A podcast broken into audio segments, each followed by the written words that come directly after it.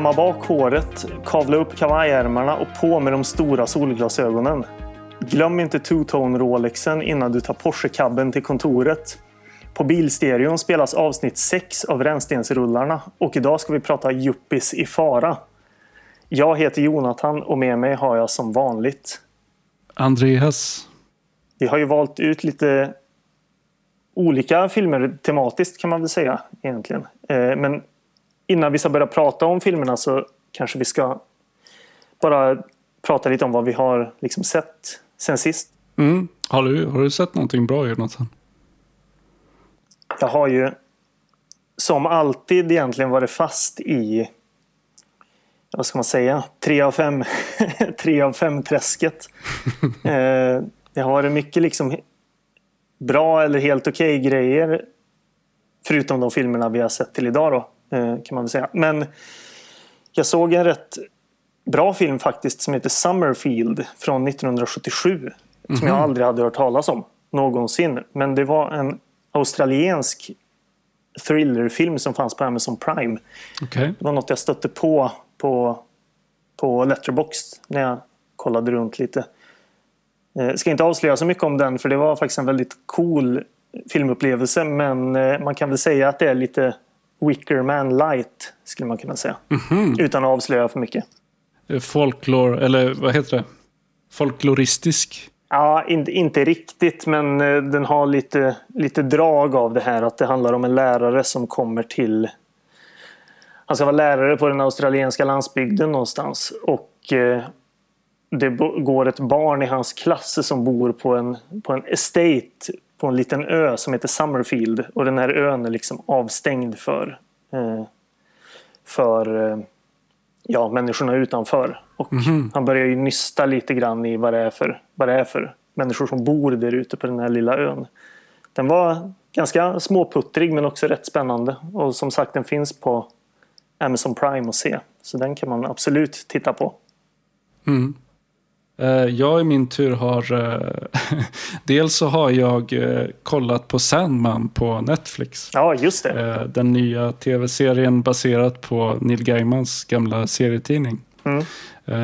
Och jag har aktivt undvikit att ta del av vad andra människor på nätet tycker om om den här adaptionen av Neil Gaimans gamla serie. För jag ville liksom bilda min egen uppfattning. Och eh, eh, jag tycker om den. Alltså, det jag gillade med den var att den eh, är förhållandevis trogen eh, originalserien. Och att jag tycker att de har lyckats med de flesta av skådespelarvalen. Så att det är bra skådespelare för de flesta av de karaktärerna. Framför allt Sandman själv, han som spelar Sandman gör en väldigt bra rolltolkning. Jag har tappat namnet på honom just nu. Men, men har du läst eh, originalserien? Ja, jag har läst den. Eh, och eh, just därför så, så blev jag, jag blev positivt överraskad att de håller sig så pass nära originalserien. Det, det, det, är vissa ändringar som jag kan tänka mig att en del kanske stör sig på. Som att eh, till exempel John Konstantin då, i den nya Sandman-serien är eh, Joanna Konstantin som de har gjort John Konstantin till en, en kvinna. Mm. Men om det görs bra så har jag absolut ingenting emot det. I det här fallet så tycker jag att eh, hon som spelar Joanna Konstantin jag ska kolla vad hon heter nu. Alltså jag menar så länge, så länge liksom det är en bra skådespelarinsats så kan jag liksom inte riktigt bry mig mindre om sånt Precis. där. Men det har väl för min egen del då så det är ju för det allra mesta liksom superhjältefans som skriker om sånt där. Mm. Eller Star Wars-fans. Eller, ja nu ska jag inte dra alla över en kam. Men det brukar ju vara när det blir liksom bråk om sådana där saker. Att folk stör sig på sånt.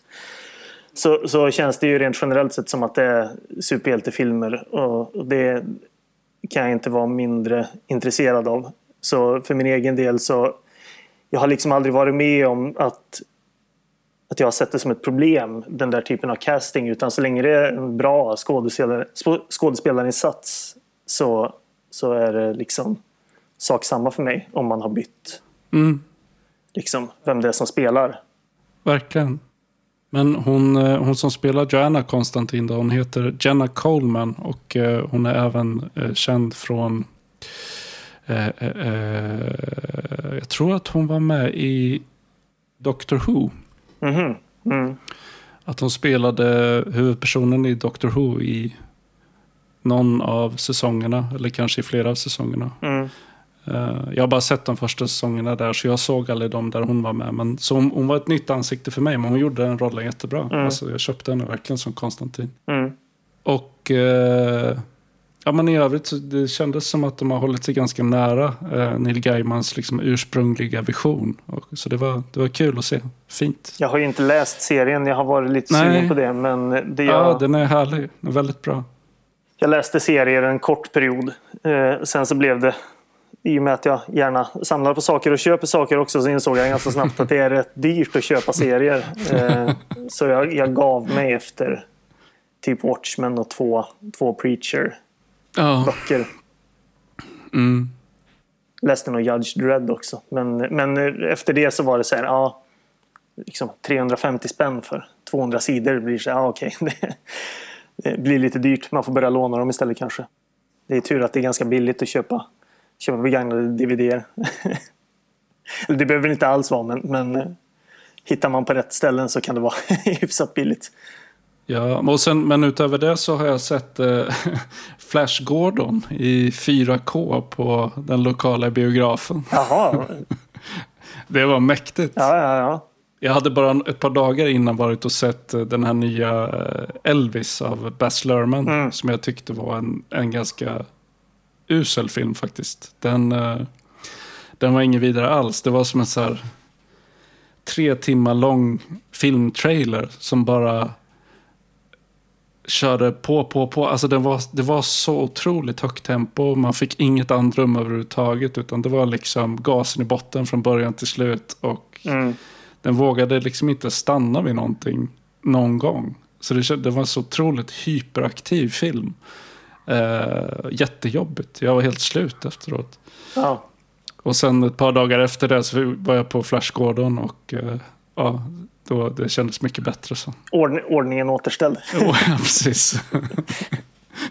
jag återfick balansen. Precis. Det, jag får mig att jag var på bio ganska nyss, men jag kommer inte vad var det? Jag minns inte. Men det var ett tag sedan. Jag tycker det är roligt det där ändå när det visas lite klassiker på bio. Mm. Så att man har chans att se lite gammalt också.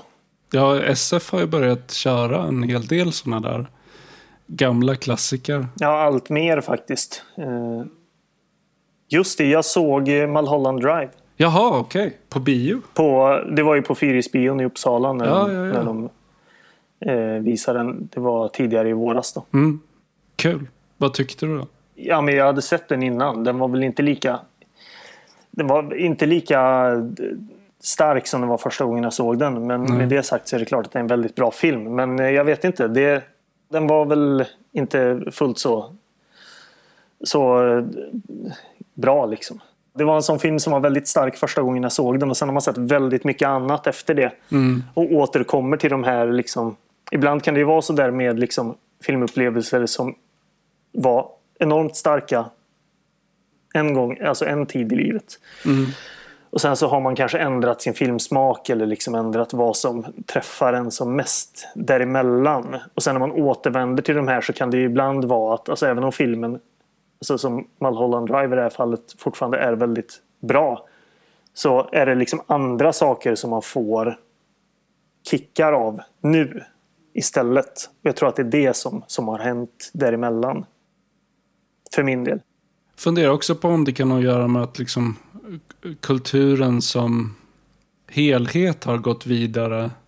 Alltså så tillvida att eh, David Lynch har ju varit en så väldigt framgångsrik och eh, eh, inflytelserik regissör. Mm. Som har liksom influerat många skapare inom alla möjliga olika typer av kulturformer. Eh, under flera decenniers tid. Så att det kan också vara så att man sen Mulholland Drive släpptes har liksom sett väldigt mycket som är influerat av David Lynch på ett eller annat sätt. Och därför när man går tillbaka och tittar på de här så eh, känns det inte lika nytt längre. Nej, nej, precis. Eller lika fräscht eller lika konstigt. För jag minns första gången jag såg Mulholland Drive, då var jag förvisso också ganska ung. Mm. Men jag kommer ihåg det som en riktig så här hjärnskrynklare. Men sen när jag sett den som vuxen och efter liksom har lärt mig mer om hur man kan närma sig film utifrån ett analytiskt perspektiv och sådär. Alltså vad det gäller närläsning och sådana saker. Så var det som att jag hade fått många fler nycklar till hur jag kunde tänka kring filmen medan jag såg den. Liksom, och det som hände. Så här, okay, men Ska man ta det här bildligt eller ska man ta det bokstavligt? Händer det här faktiskt på riktigt i filmen eller sker det bara i karaktärens liksom, medvetande? Alltså den typen av frågor sådär. Mm. Som jag nog inte ställde mig själv när jag såg den som... Jag vet inte vad jag kan ha varit när jag såg den första gången. Kanske 15-16 eller något sånt. Men jag såg om den också för inte alls så länge sedan. Så jag, jag tyckte fortfarande att den var väldigt bra. Eh, och väldigt så här, stämningsfull och så. Men det var inte lika mycket av ett mysterium som första gången jag såg den. Nej, precis. Men ska vi, ska vi gå in på prata om dagens filmer? Mm, det kan vi göra.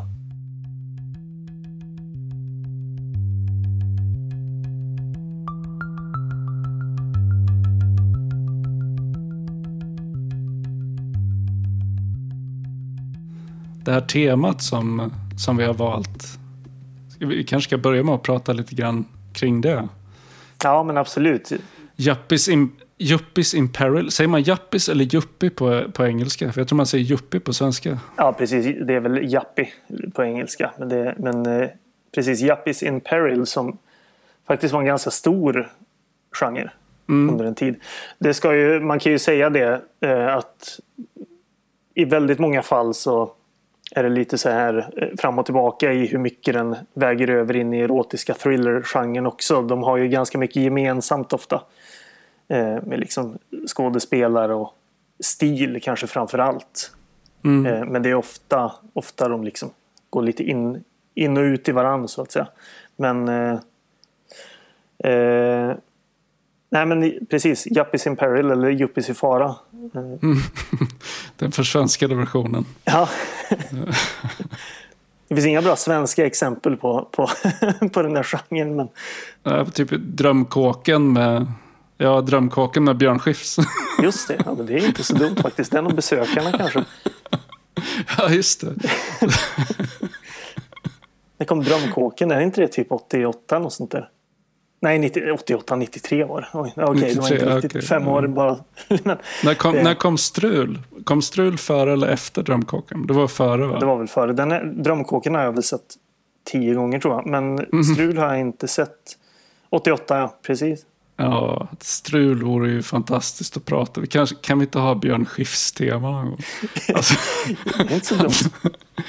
Juppis i fara, Björn Skifs special. Ganska bra idé faktiskt. Ja, alltså för Strul, Drömkåken och uh, ja, det var de två som jag liksom, de, ja, de, de gick hett på min gamla VHS-spelare som barn. Och sen har jag gjort den här uh, Joker också, men den har jag bara sett ett par gånger tror jag. Inte sett heller. Men det är väl senare va? Ja, jag tror att den kom senare. Det är där de klättrar på Globen i slutscenen. Jo, den har jag absolut sett. Men det är, för det är, en, det är en sån där scen man kommer ihåg. Men jag hade sett den på tv när man var sju år gammal kanske. Mm. Ja, nej men fan. Björn Skifs. ja, ja, men i alla fall. Eh, du, du, hade väl läst lite om, om den här genren? Ja, men lite grann. Alltså, det, det, egentligen så är det ju det, det är en sorts... Eh, det, det, är en subgenre till frillen. Liksom. Där det är eh, unga, liksom, snygga människor i kanske den övre medelklassen som ofta bor i fina lägenheter eller dyra villor och sen möter ett externt hot. Det är väl liksom den, den enklaste förklaringen av vad den här typen av filmer handlar om. Men jag tyckte att din, din, din, eh, eh din undertitel till det här avsnittet som tyvärr allt för lång för att liksom ha med på, på en avsnittsbild var ju väldigt bra. Och sätter ju fingret på vad det här är för typ av film. Så om du vill så kan du ju dra den. Precis som jag gjorde första gången jag skrev den så får jag väl liksom eh, dra den på frian. Men det var väl något i stil med så snygga människor eh, i väl, snygga människor i väldesignade hus möter fasadbrytande fara. typ. Fasadstörande fara tror jag det var.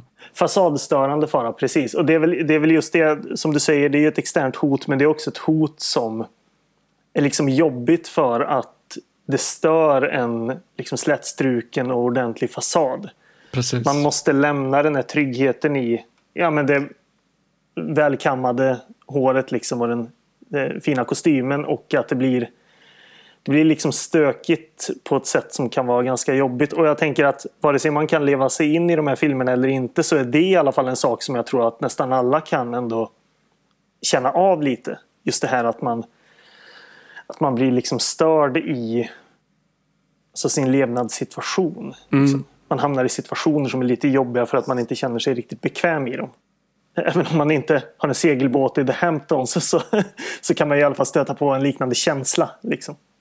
Uh, jag tänkte när jag såg de här filmerna som vi ska prata om i det här avsnittet och i nästa avsnitt att det finns paralleller till eh, film noir-genren Alltså inte film noir som den hårdkokta detektiven liksom, som försöker lösa ett fall. Utan noir i en vidare bemärkelse som liksom eh, mer handlar om eh, karaktär, att, att karaktärerna i en berättelse är av liksom, tvivelaktig moralisk natur. Och att det inte nödvändigtvis finns några uppenbara hjältar. Mm. Eh, och att berättelserna undersöker liksom den mänskliga existensens baksida på olika sätt. Eh, och, och, det smutsiga byket. så. Eh, så på så sätt så, så ser jag paralleller till noir-genren i, i de här filmerna som vi ska prata om. Ja men absolut, för det, det är ju så även de alltså huvudpersonerna i de här filmerna är ju sällan speciellt alltså, jättesympatiska. Nej. Eller i alla fall så har de ofta liksom, drag som är rätt osympatiska det måste ju ändå gå också hand i hand med alltså, även liksom den verkliga juppin. Det var väl en, hela, en del av hela grejen att man var tvungen att vara ganska omoralisk och liksom slå sig fram för att nå framgång. Och det går ju hand i hand med, med hela den, eh, vad, vad, ska man säga, alltså vågen. Mm. Men jag alltså för den här genren, som, det lilla jag har läst så brukar jag ändå nu börjar jag prata utan att veta vad filmen heter, men det är alltså inte, inte Farlig förbindelse utan den här tidigare thrillern med Michael Douglas. Åh, vad är den heter? Med Glenn Close också. Uh, Fatal Attraction. Fatal Attraction brukar ju omnämnas som, som någon slags startskott både för framförallt erotiska thrillern men sen även yuppies i fara-genren. Och sen efter det så har de ju ibland liksom eh, gått åt olika håll. Ibland så kan man ju se liksom drag av båda genrerna i, i samma filmer. Men, men jag tror att den ändå var ett litet startskott. Ja, vad finns det fler för, för liksom kända exempel?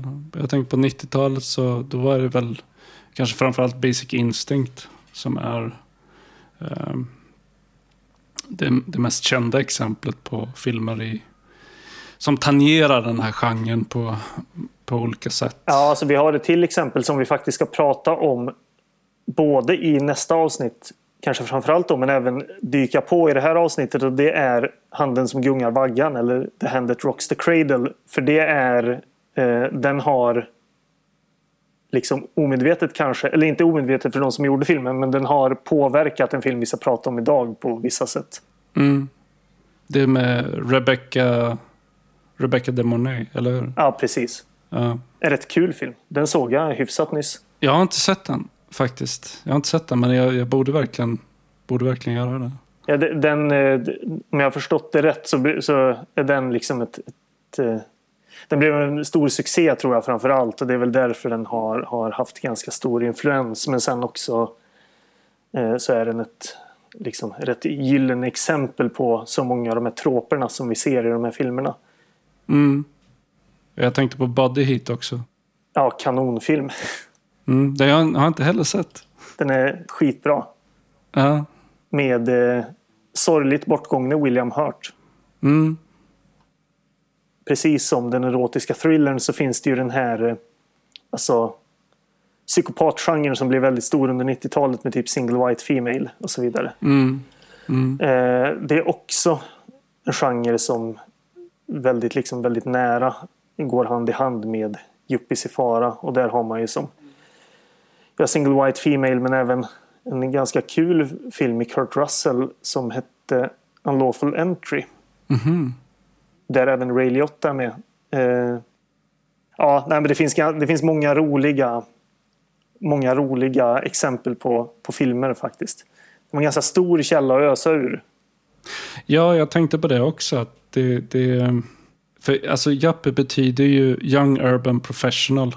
Och det, det är ju en eh, så här evergreen källa att ösa ur, tänker jag. Mm. Därför att det kommer så mycket med det där av att vilja göra karriär som innebär att behöva ha vassa armbågar, kanske behöva eh, göra saker som, som eh, ens liksom moraliska kompass egentligen inte skulle tillåta en att göra och så vidare för att avancera inom ett företag eller inom en viss bransch och sådär.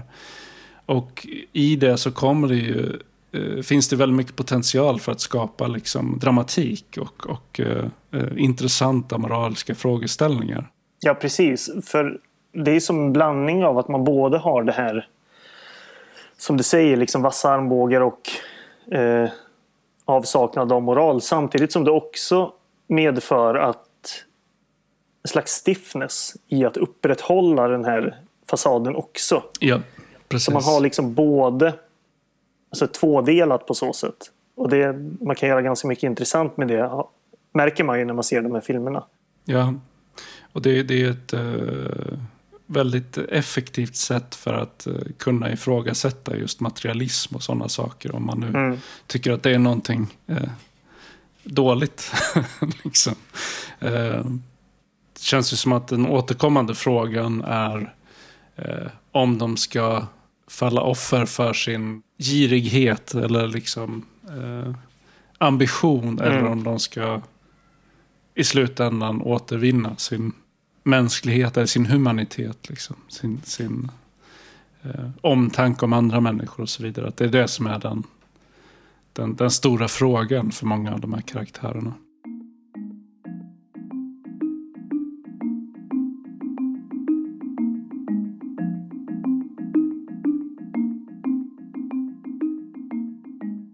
Vilka filmer är det vi ska prata om? Första filmen vi ska prata om är The Vagrant från 1992. Och den här filmen är inte lätt att få tag på. Vi såg den ju båda två i en väldigt eh, dålig RIP på YouTube. Ja, precis. Det, det är definitivt en VHS-RIP. det var ju stundtals väldigt svårt att avgöra vad som faktiskt hände på, på skärmen. Alltså det, här var, det här var faktiskt dåligt till och med för att vara VOS. Ja, ja, det, man, ska, man ska inte hålla på och klanka ner på VOS för de kan faktiskt se rätt bra ut i vissa fall men det här var, var, det här var skräpigt. Ja, det var riktigt uselt. det var nog inte VOSens fel, det var nog eh, Rippens fel skulle jag tro. Den har nog gått sina rundor på nätet säkert ja, innan den hamnar på YouTube. Tillbaka på DC++ tiden. Ja, nej men alltså med tanke på att den var så otroligt svår att hitta. För den finns ju inte på några streamingtjänster liksom. Den går inte att hyra någonstans vad jag kunde se. Utan det här var liksom enda sättet jag kunde hitta den på. Alltså när jag söker, jag hade inte kollat upp det innan men när jag söker och eh, det finns ju trailers för dem på Youtube och de är släppta på Scream Factorys kanal. Så, mm. Och Scream Factory är ju ett av de absolut större, liksom. Ja, man kan inte ens kalla det entusiastbolag längre. Men de har väl ofta i alla fall släppt väldigt mycket av den här typen av film. Så jag, det kan finnas en amerikansk Blu-ray då i alla fall. Men eh, det kan ju säkert vara att den är släppt för tio år sedan och så finns det inga rättigheter och så är det ingen som har brytt sig att ladda upp någonting någonstans. Liksom. Så det, det kan ju vara att rättigheterna har försvunnit av någon annan anledning också. Mm. Så det, det, är svårt att spekulera i, men absolut att, att den är så väldigt så otroligt bortglömd känns lite knepigt i och med att det ändå är ganska mycket kända namn med. Ja, precis. Det är många kända namn och eh, den eh, har många element i sig som gör den intressant och stundtals ganska rolig. Det här är urtypen av en film som jag inte kan ge mer än en etta i betyg. Men som jag samtidigt måste... Jag kan inte ge den mer än en etta i betyg. Men jag tycker ändå om den. Liksom. Ja. Men det är inte jättemycket som skulle behöva ändras i den för att jag skulle tycka att det vore en ganska bra film. Så det, det vi kan komma till det lite senare. Men jag, jag tänker att jag kan börja med att läsa från VHS-kassetten här då. Mm, vi, vi, ska nämna också att den har ju den väldigt härliga svenska titeln Lösdrivaren. Precis.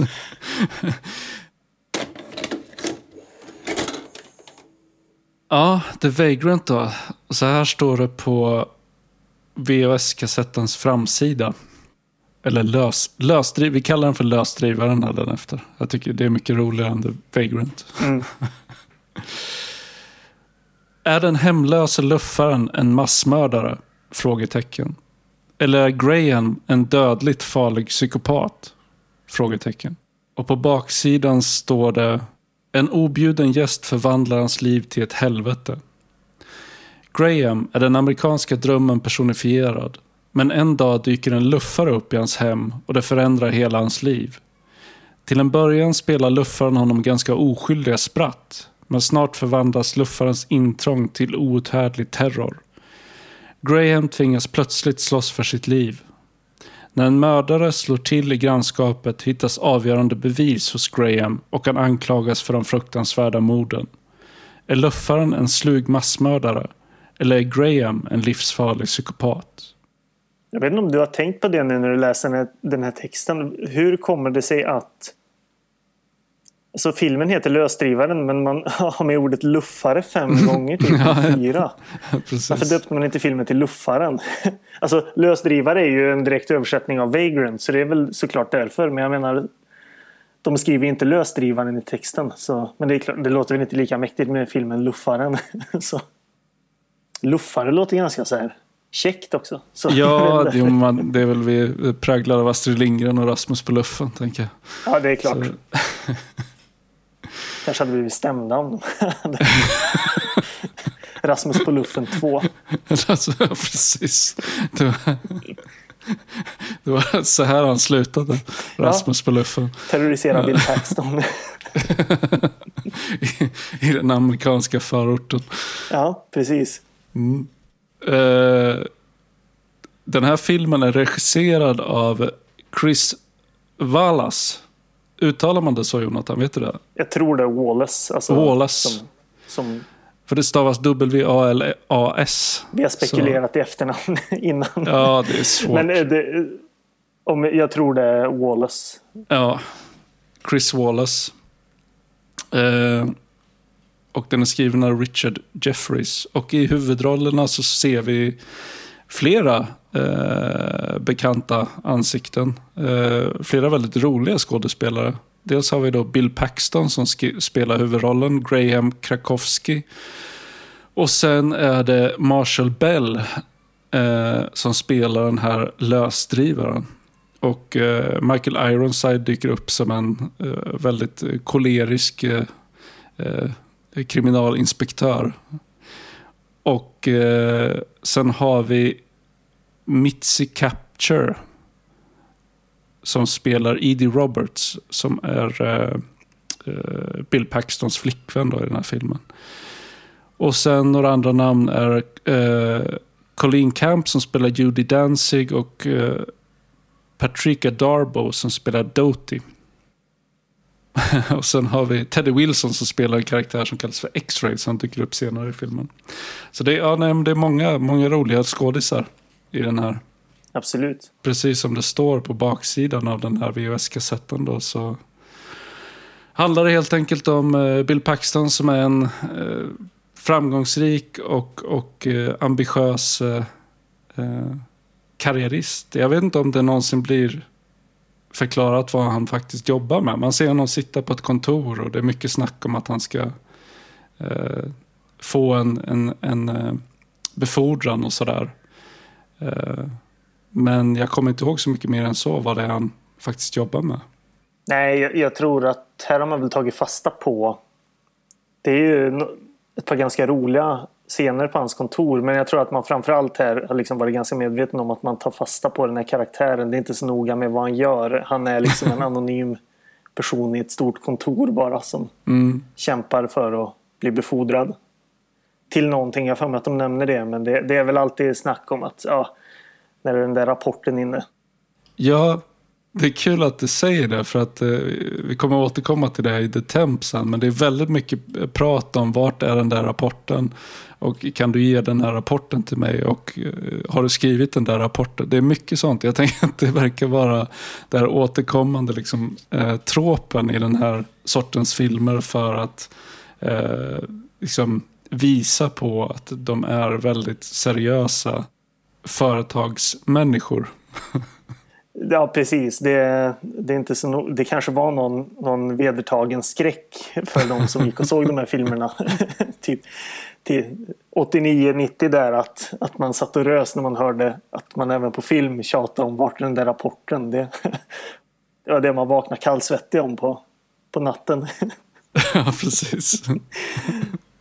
uh, men eh, Graham Karkowski då? som är eh, Paxtons karaktär, han är väldigt eh, mån om sitt yttre. Han är mån om att han ska ha eh, dyra grejer och ett fint hus och sådär. Så filmen börjar med att han eh, flyttar in i ett nytt hus i, i någon amerikansk förort. Då. Kan man inte säga det att han att man även ser en pågående gentrifiering i ja, den här filmen. Verkligen. För det är väl att han flyttar in i liksom ett... Det är väl mycket snack om att det här området precis utanför en stor... Jag vet inte om det nämns vilken stad det är. Men, men han flyttar liksom in i ett alldeles nytt område som ska bli den stora grejen utanför, mm. precis utanför den här stan. Så det är även det att, att han liksom flyttar in i något alldeles nytt område där. Precis. Och som jag tolkar det så en väldigt stor anledning till varför han behöver skaffa det här huset nu är för att imponera på sin flickvän då. För han har väl egentligen inte riktigt råd med det här. Alltså allting hänger ju på om man ska få den här befordran eller inte. Så han går ju händelserna i förväg och spenderar en jäkla massa pengar innan han faktiskt vet att han ska få den här befordran. Ja precis, det där känns också som en trop som man stöter på då och då här, väntan på befordran eller julbonusen och så köper man saker på förhand och så, och så får man inte liksom, pengarna sen. Nej men precis, det är mycket prat om henne. Hans flickvän dyker ju upp sen. Men det är mycket prat om henne innan att han liksom ja, men köper det här huset för att imponera. Visa på hur, vilken framgång han har. Som. Precis, och så fort hon dyker upp, det första hon gör är ju på att kommentera eh, på att jaha, de föregående ägare lämnade möblerna liksom. Så. hon tycker de är så fula så hon antar att det är liksom de som har bott i huset innan som har lämnat kvar allt gammalt skit. Och det är ju han som har köpt de där prylarna. Men, mm. ja. Och sen försöker, hon vill köpa nya grejer och han, han liksom, ja fast jag är på en lite tight budget nu. Och då, då säger hon, uh, but you got a credit card. Right? Vad kul att du tog, för jag tänkte också, jag minns den där scenen som kul men jag kommer inte ihåg vad, vad det var hon sa. Äh, precis, det är, no, det är något sånt där. Att det är också en bild av den, den moderna mannen som säger men vad är problemet av ett kreditkort? liksom. Ja, precis. Spenderar över sina tillgångar för att eh, göra sin flickvän nöjda. Mm. Eh, och det är väldigt uppenbart att eh, hon är ju bara intresserad av honom så länge han är framgångsrik. Det känns inte som ett jättesunt förhållande de har. Om man, Nej, inte alls. den, I den lilla eh, biten man får något slags, någon slags inblick i deras förhållande så känns det inte som så jätte, jättebra. Men det som händer är ju att um, uh, han upptäcker då den här lösdrivaren. Uh, som är namnlös genom hela filmen. Mm. Uh, stryka omkring i området. Den första scenen han, han dyker upp så är han ju liksom inne i hans hus mm. när han är där på visning. Nej, det är inte under visningen, det är senare tror jag. Mm. Men ja, i alla fall, han, han får syn på den här äh, lösdrivaren i, i sitt hus och blir alldeles förskräckt och kontaktar polisen. Och han är ju från början helt övertygad om att det här är en mordisk galning utan att ha några som helst bevis för att så är fallet. Eh, och det blir väldigt uppenbart tidigt att liksom, den primära anledningen till varför han är så avvokt inställd till den här eh, eh, luffaren eller alltså en person som i, i realiteten är hemlös är ju för att han tycker att han är smutsig och äcklig. Precis. så, så det, är, det är väldigt svårt att sympatisera med Bill Paxtons karaktär till att börja med för att han är så jävla hemsk liksom i sin, sin bedömning eh, eller sitt omdöme om andra människor. Så istället för att känna sympati för den här personen då som man skulle anta eh, menar, av olika anledningar har eh, olika tragiska anledningar hamnat på gatan så bara så här, nej men den här personer ska bort från mitt område. Jag har liksom betalat dyra pengar för det här huset och den där äckliga typen, han ska inte vara här. Ja men precis och det är då också att man liksom börjar smälla upp svindyra hus där den här personen då tidigare har bott. Som. Och det, det är roligt det där för han, Bill Paxton blir ju otroligt paranoid. Det ska vi återkomma till. Men så det finns ju någon slags läsning av den här filmen att den här lösdrivaren som framställs som väldigt så här illasinnad och liksom kacklande och skrattande som kanske egentligen bara är en liksom, ja, men en lösdrivare som Bill Paxtons liksom stegrande paranoia gör till någon slags monster. I alla fall i början på filmen för sen så blir det ju en, en snurr på det här så, så det är ju inte en, en reell läsning man kan göra men, men till en början i alla fall så skulle man ju kunna se det så. Det var en av de saker som i slutändan gjorde att jag bedömer det här som en ganska dålig film tyvärr. Att, att den här, ja, vi behöver ju faktiskt inte spoila den men, men eh, att det visar sig att den här lösdrivaren faktiskt är en ganska ondsint typ. Sen varför, det kan vi ju eh, undvika att säga då. Ja, vi, vi, behöver inte säga det, men den här, alltså det blev för snårigt för vilken mm. typ av film det är. Alltså det var lite, lite mycket där kan jag känna. Jo, jo. Eh, för att man riktigt ska orka hålla uppe intresset för den här liksom, snåriga intrigen. Som... Ja, precis. Därför det kommer ju en vändning, typ eh, tre fjärdedelar in i filmen som är ganska riktigt så här 180 graders svängning liksom åt ett helt annat håll. Mm. Eh, så där kändes det som att ja, jag förlorade intresset för filmen. Jag förstår vad de försökte göra liksom. Eh, det handlar ju, alltså på något sätt så är ju filmen en enda lång så här falling down-aktig Eh, berättelse om en person som liksom börjar på någon slags topp och sen på grund av den här paranoian och det han blir utsatt för så bara eh, faller han neråt, neråt, neråt till han till slut har liksom lämnat sitt gamla liv bakom sig och eh, istället hamnar i någon sån här trailer park mm. på någon icke nämnd plats i USA och sen klipp till så här, sex månader senare eller ett år senare då han sitter där i liksom jeanskläder och sparat ut en mallet. Och, och har blivit någon slags föreståndare för den här eh, husvagnsplatsen. Eh, eh, liksom. Ja, Jättekonstig precis. vändning, verkligen. Ja. Otroligt konstig. Men den finns ju där för att visa på att han nu har blivit det som han själv i början av filmen föraktar så djupt. Liksom. Ja, eh, precis. Och på så sätt antar jag att de vill signalera att han har blivit en bättre människa. på något sätt. För det verkar ändå som att eh, innan då den här lösdrivaren dyker upp igen och stör hans eh, nyfunna liksom, liv i den här trailerparken så, så verkar han ändå ganska nöjd med sin nya situation där. Eh, ja, men eh, det som leder upp till det är ju att han bara blir mer och mer paranoid och eh, den här lösdrivaren utsätter honom för olika typer av eh, spratt eller vad man ska kalla det. Det, är, ja, det går ju från spratt till faktiska eh, alltså riktigt så fruktansvärda grejer. För att mm. det, människor eh, i hans närhet. Bland annat en granne där som hittas mördad. Och eh, det här sker liksom parallellt med att Krakowski då har, eh, bör, han går i sömnen och eh, upptäcker liksom att det har hänt konstiga saker i hans hus dagen efter när han vaknar. Liksom. Det är, vid något tillfälle så vaknar han och det är någon som har klippt, så här, eh, klippt sönder hans glasögon. och eh, saker hamnar på fel platser än där han har lämnat dem kvällen in. Det är någon som har möblerat om i hans hus över natten. Och han, han liksom börjar... Han, han är övertygad om att det är den här lösdrivaren till en början. Men allt eftersom tiden lider så börjar han misstänka att det är han själv som gör de här sakerna när han går i sömnen. Så det finns ju ett väldigt tydligt... Det är, liksom, det är väldigt tydligt att filmen handlar mycket om det här med precis som du var inne på, att är det lösdrivaren som är den skyldiga eller är det eh, Krakowski som bara håller på att bli galen liksom? Överlag kan man ju säga att det här är ju framförallt en komedi. Ja. Riktat mot vankomedi.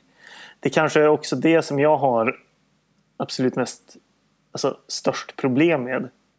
Vi ska komma till vad det är jag menar med det. Eh, med ett, ett liksom ett ord eller ett begrepp som verkligen definierar vad det är för typ av komedi. Men innan det så vill jag lyfta två scener som jag tyckte var väldigt roliga. Och det är en av de första scenerna bland annat på hans kontor.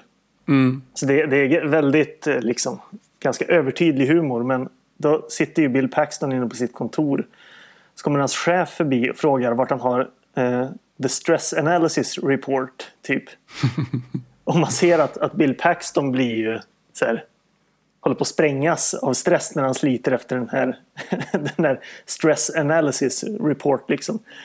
Eh, det är så väldigt enkelt men jag tycker det var väldigt kul för Bill Paxton är ju faktiskt en väldigt duktig Ja, han är en väldigt duktig skådespelare men också vad det gäller med det här minspelet och liksom så fysisk komik på så sätt. Mm. Så tycker jag att han funkar väldigt bra. Men det kan man ju också säga att det är ju mer eller mindre Bill Paxton som bär den här filmen också. Ja, ja absolut. Sen är det en annan scen också när han första gången tillkallar polis eh, för, att, för att se att det är något problem med den här lösdrivaren och han säger så här, ja men Åh, han har gjort det och det och det. Liksom. Och poliserna säger men det, det, vi kan inte göra någonting åt det. Men så säger Bill Paxton men he was urinating. han kissade utomhus. Och då, liksom, då springer väl poliserna iväg för att få tag i den. Uh. Eller något i den stilen. Det, det, det, det, absolut värsta som kan hända är att, att den där lösdrivaren skulle kissa utomhus. I det här nybyggda fina området. Ja, precis. ja, nej, men det finns ju flera sådana scener som är väldigt överdrivna för, för uh, komisk effekt. Uh, en, en av de första gångerna som Bill Paxton ser den här lösdrivaren är ju när han går hem från, från uh, mataffären med en så här typisk amerikansk brun prasselpåse i mm. famnen. Vet du vilka påsar jag menar? Jag tyckte de oh, påsarna var så mysiga när jag, när, jag, när jag såg på film när jag var liten. Utan uh, handtag som man måste bära ja, i famnen. Precis. Det ser ut som en vanlig sån papperskasse man mm. har här. Bara att man har plockat bort handtagen. ja, inga handtag. precis. Uh, och inga uh, typ märken och grejer på dem heller. Alltså, nej, nej, men precis. de är inte brandade. Nej, precis.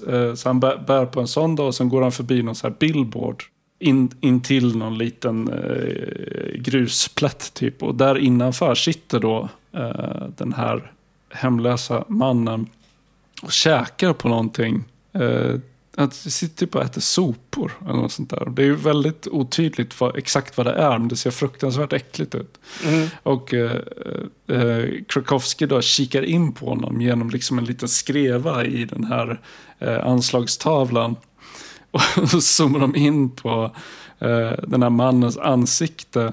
Och han får syn på Krakowski. Och det är så här jättekonstiga gutturala ljud. Han låter som typ en morrande hund eller någonting. Samtidigt som han smaskar på de här liksom, soporna. Alltså han har ett, ett öga som hänger och han är så här brännskadad i ansiktet och vildvuxet hår. Han ser verkligen ut som någon slags monster liksom.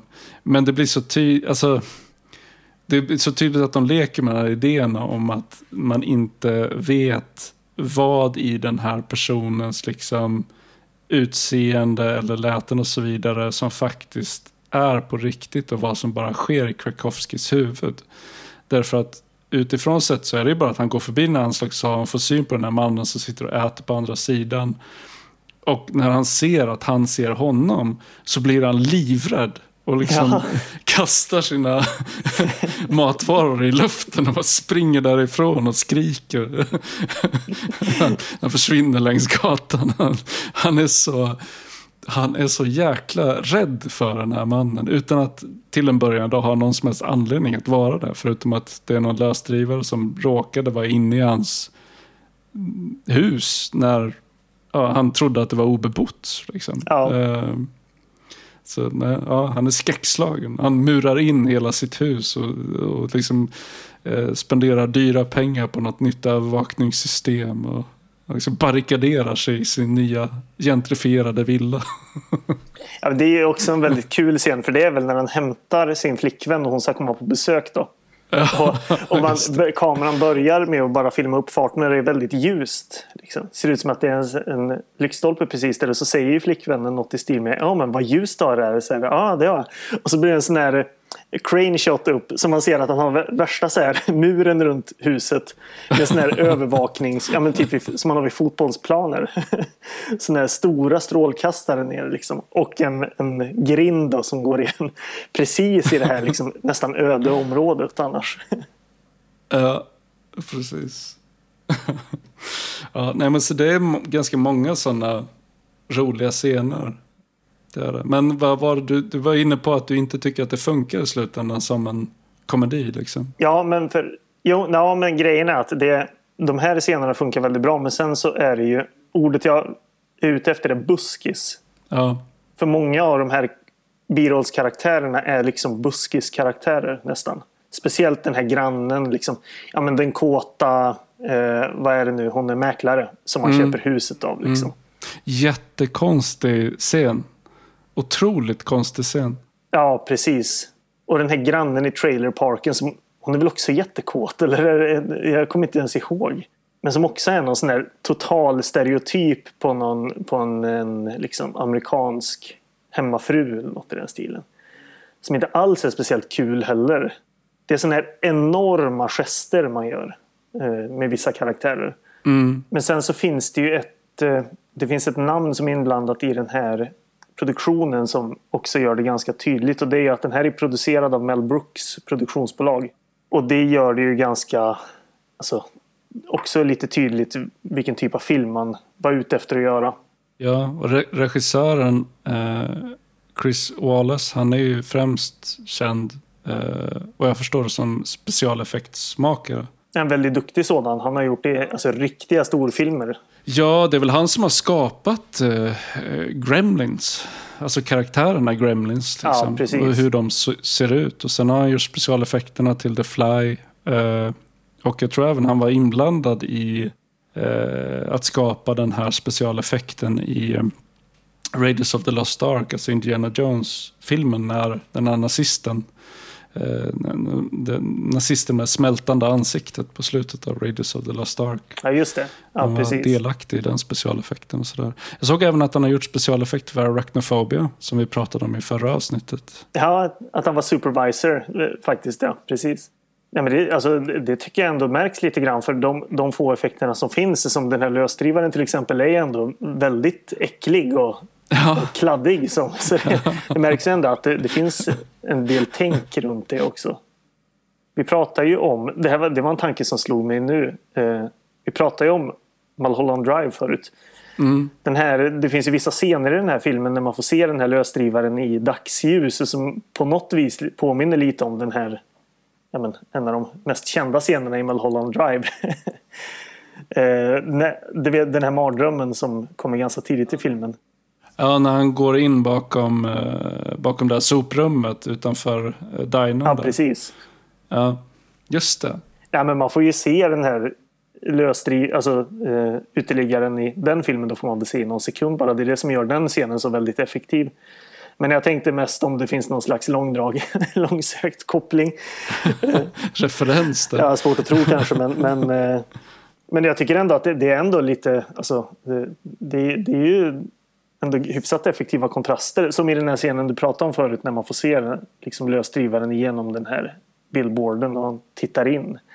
Det är ändå mm. en rätt snygg kontrast med det liksom städade området och den kladdiga uteliggaren. Ja, precis. Och just att han tittar in genom en skreva i den här anslagstavlan också. Så ja. det finns ganska mycket sådana genomtänkt eh, symbolik i filmen. Alltså att man, jag tror att eh, man var ganska medveten om vad det var för typ av berättelse man berättade och vad, vad, vilka teman det var. Det är, bara, det är någonting i själva intrigen som, som gör att den misslyckas i slutändan. Men mm. som jag sa liksom i början av, av eh, vårt prat kring den här filmen så, så um, det är inte långt ifrån att jag skulle tycka att det var en bra film på riktigt. Men tyvärr så, så är slutresultatet inte särskilt bra alls. Då. Men mycket av det är på grund av den här väldigt konstiga vändningen. Som tre fjärdedelar in i filmen faktiskt. Det känns som att det hade varit ganska enkelt att göra det här till en film som en spiral rakt ner i paranoia snarare mm. än att det visar sig att man gör den här konstiga vändningen. Att det istället då hade slutat med ja, men på något sätt att han går under, under sin paranoia. Vilket han på sätt och vis gör men kanske inte på ett, på ett lika effektivt sätt. Man hade nog kunnat gjort något med förhållandevis enkla medel gjort något lite roligare av det i slutändan. Ja, till att börja med låta honom stanna kvar i, i huset fram till filmens slut. Liksom. Precis. Eh, för att så länge de är kvar där då... Alltså det finns många konstiga grejer i den. Alltså så tveksamma val kring vissa karaktärer och så vidare. Men på det stora hela så tycker jag att den, den funkar som psykologisk thriller. Eh, en ganska stor del av filmen.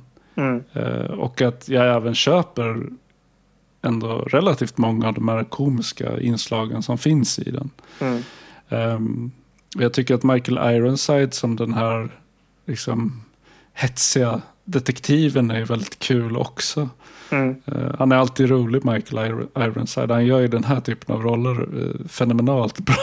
ja, verkligen. Verkligen. Det, det, är alltid... Det är typiskt sån där skådespelare som man alltid blir glad av att se.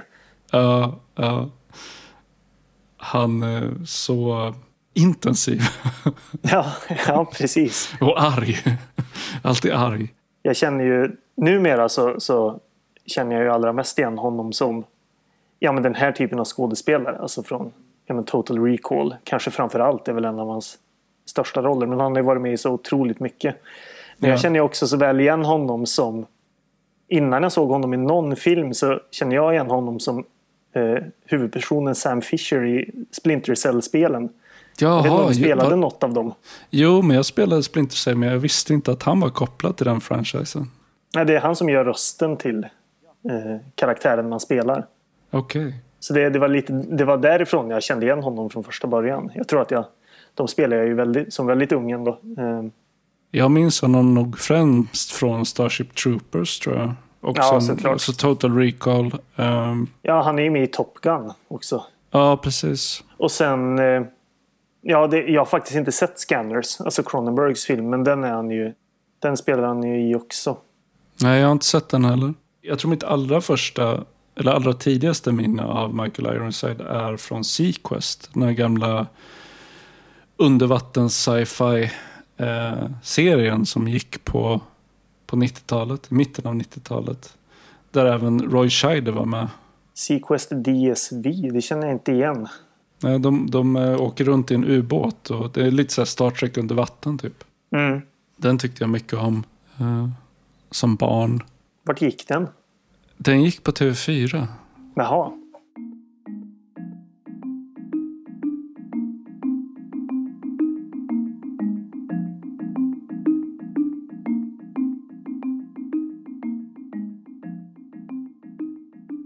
det är ju mycket av humorn som ändå funkar. Eh, mm. Samtidigt som man har det här ganska...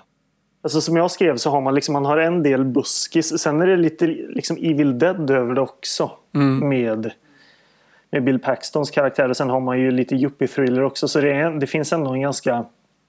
Det finns en kul blandning här. Men för min del så slutar det ju tyvärr med att det är lite för mycket buskis och en twist som man inte orkar hänga med i riktigt. Vilket gör att man lite tappar intresset för filmen överlag tyvärr. Ja. Precis. Nej men det, det är väl min bedömning av filmen också. Nej, men jag tänker att vi kanske kan gå vidare, men, men uh, sista saken jag bara vill nämna kort var att jag, jag gillade faktiskt soundtracket i den här filmen och ljuddesignen.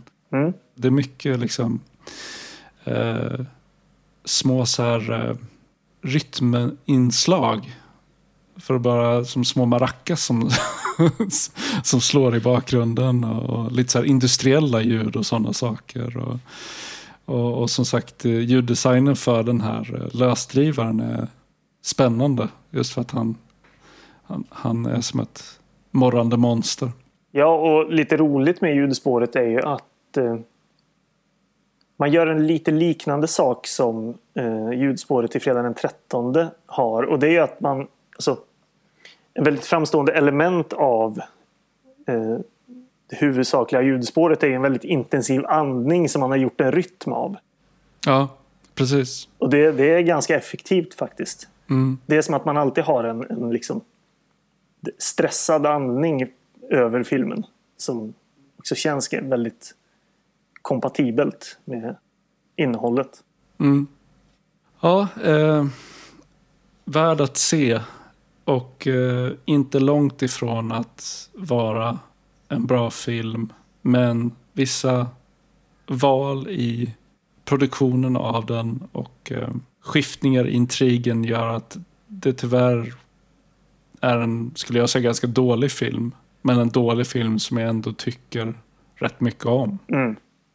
Ja, den här kan man se om man är sugen. Men det är definitivt inte den bästa filmen nej, nej, vi kommer nej. prata om i varken det här avsnittet eller nästa avsnitt. Eh, så är man sugen, se den. Men förvänta, förvänta er inga stordåd. Nej, man kan se den om inte annat för att Bill Paxton är så jäkla bra i allt han är med i. Ja, verkligen. Vad är, vad, vad är din favoritfilm med Bill Paxton? Bra fråga. Jag måste tänka liksom på vad jag har sett där han ändå spelar en, alltså en större huvudroll. Mm. För man har ju sett honom i liksom, ja, Aliens givetvis. Mm. Eh, Jag tror inte jag har sett Twister. Nej, jag har inte sett Twister heller. Men en film som till och från ändå har framhållits lite som jag faktiskt verkligen ska framhålla som en väldigt bra film är ju Frailty som han också regisserar. Där är han ju inte alls rolig men det är en väldigt bra film. Ja, och där spelar han ju också huvudrollen. För att i många, eh, i för sig, alltså i The Vagrant spelar han också huvudrollen. Men i många filmer där Bill Paxton är med så spelar ju han någon biroll. Alltså han är ju mer av en eh, karaktärsskådis än en huvudrollsinnehavare. Mm. I det mesta som han är med i. Eh, men det är det som gör honom intressant också. För att han är väldigt duktig på att göra eh, roliga karaktärer. Alltså inte roliga som komiska karaktärer utan intressanta karaktärer. Mm. Eh, jag tror min favoritfilm av dem med honom som jag har sett är eh, Near, Near Dark av Catherine Bigelow. Den spelar en i det här vampyrgänget som, som eh, det är en jättebra film och han är skitbra i den. Verkligen. Det, den såg vi faktiskt tillsammans för ett antal år, nu, antal år sedan nu. Men, ja, just ja, det, det gjorde vi. Verkligen, för den är ju... Alltså det, där har man verkligen tagit fasta på alltså, hur liksom charmig och faktiskt hur cool han är. Om man inte bara gör honom till en fåntratt. Vilket han gör väldigt bra, men, men man har liksom hittat ett väldigt snyggt liksom, mellanting där i. Att ta fasta på alla hans kvaliteter. Han är med i Tombstone också. Ja, precis. Tombstone eh, är jäkligt bra också. Eh, eller det, eh, Tombstone är en stundtals briljant film.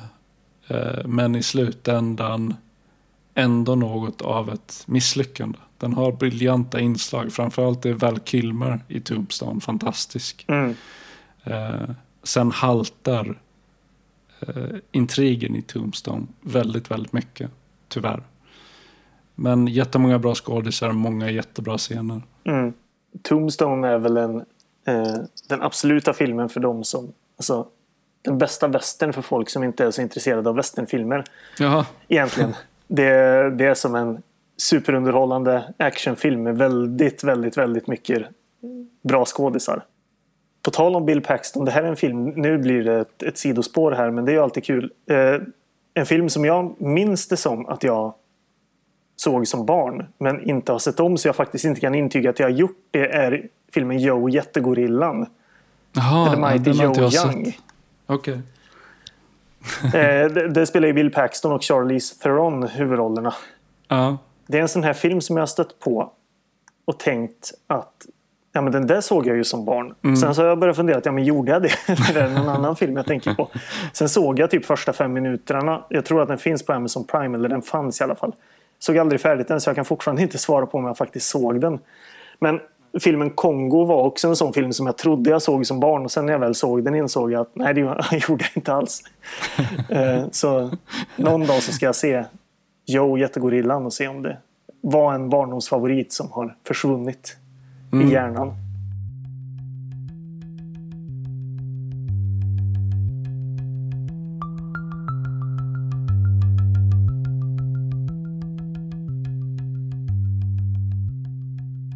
Då ska vi prata om The Temp eller Vikarien från 1993. Sen så var det även ytterligare en, jag tror det var på Svensk Filmdatabas jag såg titeln Mördande konkurrens. Jag vet inte om... Jag kan säga direkt, den här hittade jag ingen VOS för. Eh, sen så under alla de här jakterna efter svenska VHS har jag kunnat konstatera att som i det här fallet så har jag hittat en DVD och det är väldigt ofta man har återanvänt VHS-texterna till DVD-fodralen. Så det, har det funnits en svensk VHS för den här är det, mycket, är det ganska troligt att det var den här texten på DVDn som även stod på den. Men det här mördande konkurrens, jag, det var lite oklart faktiskt om den här är släppt på svensk VHS, om den har gått bio i Sverige.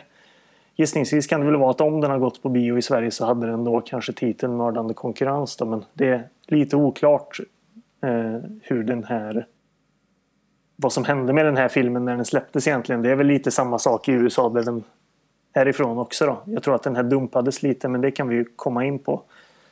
Eh, att den dumpades lite liksom från att det skulle bli en ganska stor film till att liksom ignoreras lite. Men innan det så ska jag ju då läsa från den här DVDn som vi har hittat.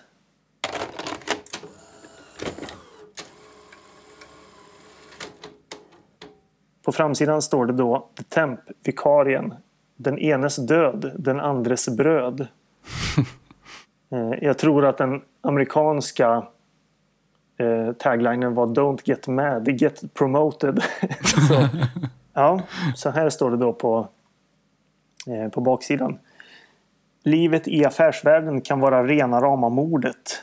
På Mrs Applebys finns det det som skulle gå över lik för att avancera i karriären. Peter Derns, spelad av Timothy Hutton, marknadsassistent på kakföretaget Mrs Applebys, är rädd att hans karriärsutsikter smulas sönder snabbare än produkterna han marknadsför. Ja, det, det är för mycket med de här med ordvitsarna. Eh, räddningen anländer i form av den kurviga nya vikarien Chris Bolin, spelad av Lara Flynn Boyle. Den vackra, smarta och effektiva Chris hjälper Peter att ta fram en utsökt lyckad reklamkampanj.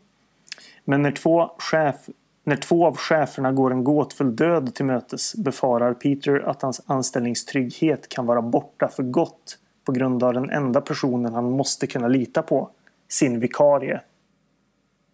Det är, alltså, det är lite syftningsfel. Hon är ju inte vika, vikarie egentligen. Hon är ju liksom Ja, hon är ju vikarie för hans assistent, men ja, ja.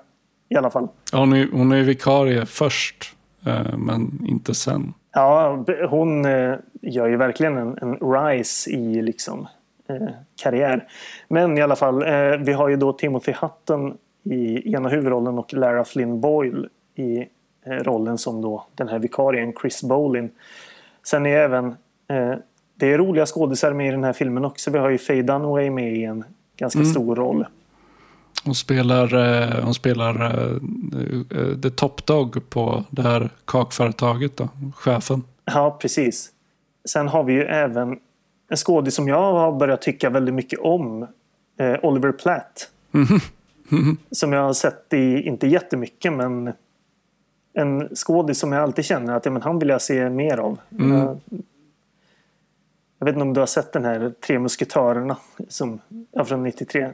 Jo, jo, absolut. Det är den jag associerar honom främst till. Han spelar väl, är det Portos han spelar? I Ja, den? precis. Ja, jag har skrivit eh, att eh, Oliver Platt eh, bra på att spela jävligt osexig snubbe som tror att han är väldigt sexig.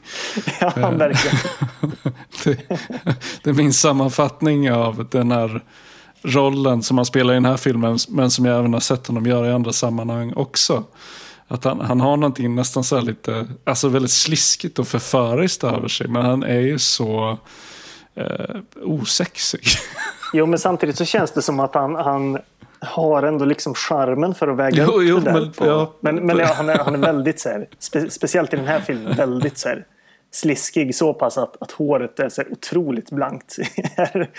Ja, men jag håller med dig. Alltså, jag tycker också jättemycket om honom som skådespelare. Jag tycker han är bra. ja, jag tycker mycket om honom här. Nu är det ju tyvärr så att han liksom försvinner i filmen en ganska kort bit in.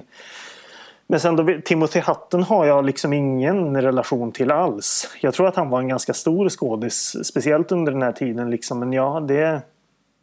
Jag kan ju se på Letterboxd att jag har sett en film av honom. Och alltså, det är ju många stora filmer han har varit med i, men... men eh, Nej, jag, hade, eh, jag har ju nyligen sett om en film som jag såg också när jag var barn.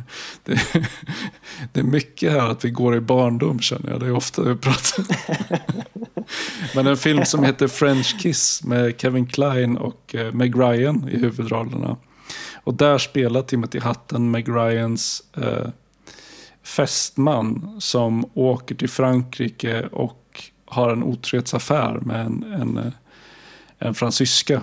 Och Meg Ryan då reser efter för att försöka eh, få honom tillbaka. Och på vägen så träffar de Kevin Klein som då spelar en fransman. Och sen ja, blir det en massa förvecklingar och grejer. Men det, det, är, en, det är en väldigt bra film. mm.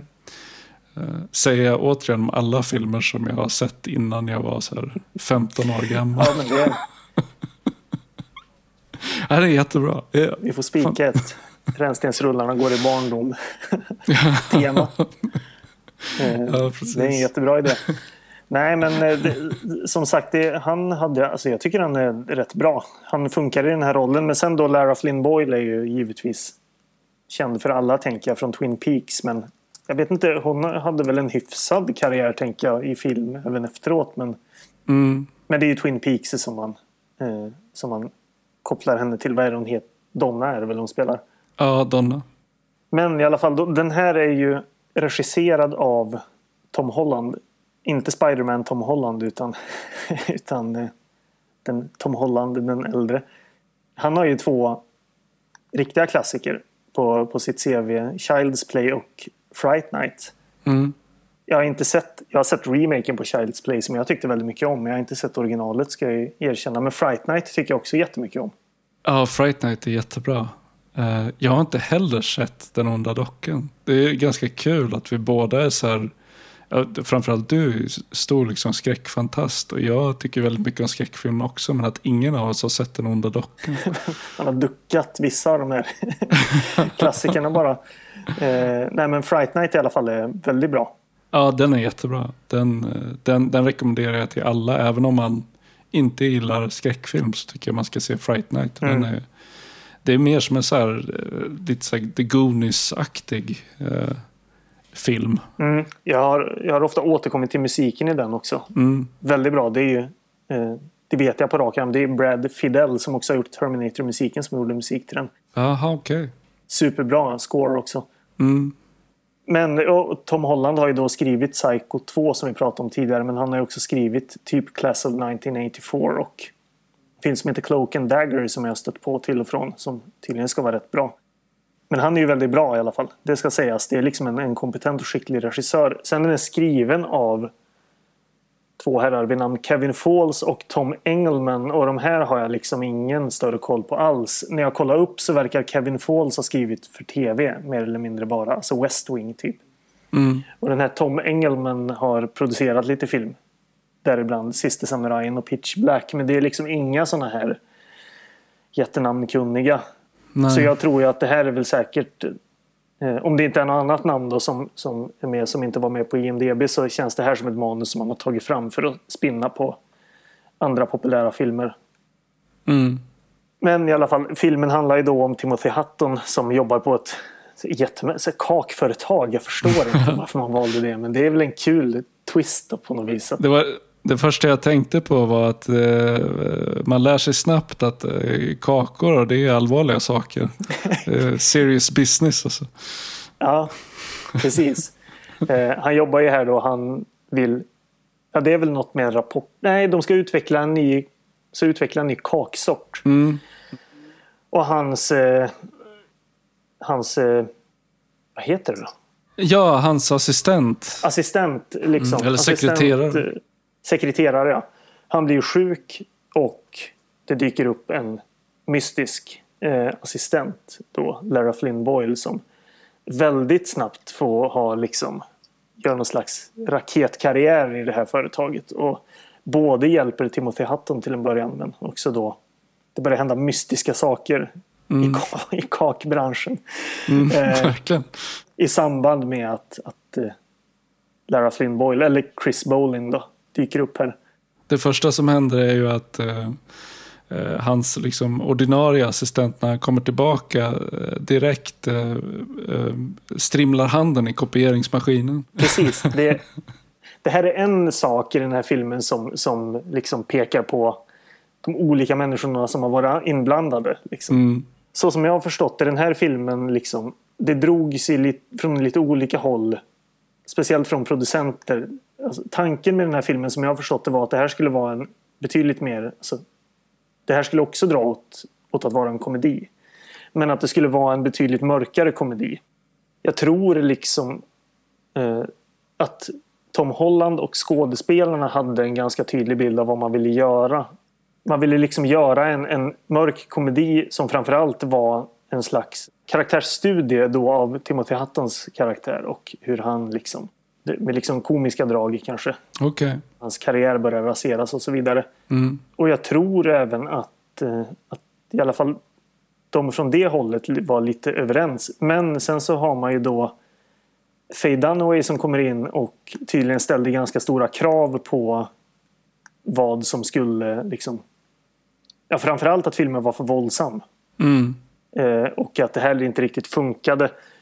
Eh, och sen så har man ju då filmen vi pratade om tidigare, Handen som gungar vaggan, som blev en enorm succé, vilket gjorde att producenterna eh, ville att nej men, det här det funkar inte att ha en mörk komedi. Det här måste ju vara en yuppie thriller helt enkelt. Det här måste ju vara en, liksom en thriller som mer rider på succévågen som den här eh, som The Hand That Rocks the Cradle förde med. Mm. Och det ledde ju då till att man bland annat då gjorde om slutet på den här filmen som tydligen skulle vara bra mycket mer våldsamt eh, än vad det egentligen är. Jag har ju givetvis ingen stenkoll på det här men jag tror att det var bland annat då Faye Dunaway som ställde det kanske var att det var ett rykte som gick att hon ställde lite krav på att det skulle inte vara så våldsamt. Liksom. Att hon ville ha en bättre karaktär. Ja, för det här står det att hon skrev i sin autobiography att hon trodde att det här skulle kunna bli en stor hit. Och det känns ju som en film som skulle kunna bli en stor hit. Men problemet är ju då att det är ganska... Det är lite olika filmer som finns i den här filmen som inte alltid eh, gjuts ihop så bra. Nej. I början av filmen så har man ju... Det låter nästan som, som Amblin-musik. Liksom. Det låter nästan som E.T. i början.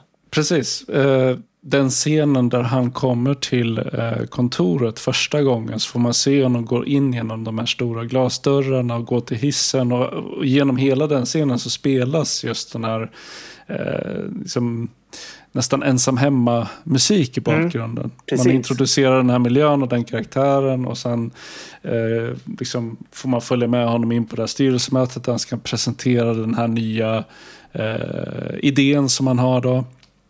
Och, eh, så får man reda på att han ska sammanställa en rapport. Och ända fram till det att han sammanställer den här rapporten eh, med hjälp av sin nya sekreterare då, så finns den där stämningen där i bakgrunden hela tiden. För att den scenen där han till slut då, i sista sekund skickar in den här rapporten så gör han det genom att kasta den längs golvet. Så den glider in liksom mm. under bordet till chefens assistent som plockar upp den precis i samma ögonblick som chefen kommer och eh, frågar efter den. Liksom. Eh, och hela den biten känns mer som, som upptakten till en helt annan typ av film än vad det här i slutändan visar sig vara. Mm. Det, alltså det där hade ju, den scenen hade ju kunnat varit en slutscen på en annan film nästan. Och sen så kom vi in på den här då, eh, ja, dokumentförstörare är det ju. Och där tror jag ju att, att eh, Tom Hollands eh, liksom, historia som skräckfilmsregissör kommer in. För det är ju en, det är någon slags så-fälla där. Liksom. Eh, alltså från så-filmerna. Det, det ser ju ut som någon Alltså det som var en dokumentförstörare men det ser ju ut som någon slags slaktmaskin med såna stora knivar som han är och, som gnisslar liksom när han är där och drar. Ja, det, det är riktigt äh, äckligt faktiskt. Ja, Just ja, ja, att äh, han, han kommer till den här dokumentförstöraren då, hans ordinarie assistent och så säger han eh, goddamn interns för att det är liksom papper som har kört ihop sig i den här. Eh, så han måste öppna upp den för att, för att kunna få ut det här, eh, de här pappersstrimlorna som sitter fast. Och, och så får man liksom eh, se när han kör in fingrarna i den och det är liksom närbilder på hans fingrar in till de här vassa knivarna. Liksom. Och sen till slut så går strömmen igång och det blir liksom ett stort jävla blodsplatter i facet på honom. Ja.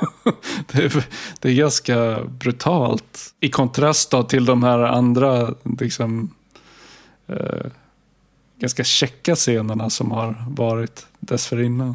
Precis, och det är även andra dödsscener som också är ganska mörka för att vara för att vara i den här filmen. Men sen blir ju filmen med, alltså mörkare också. Men det är en ganska spretig ton genom hela filmen.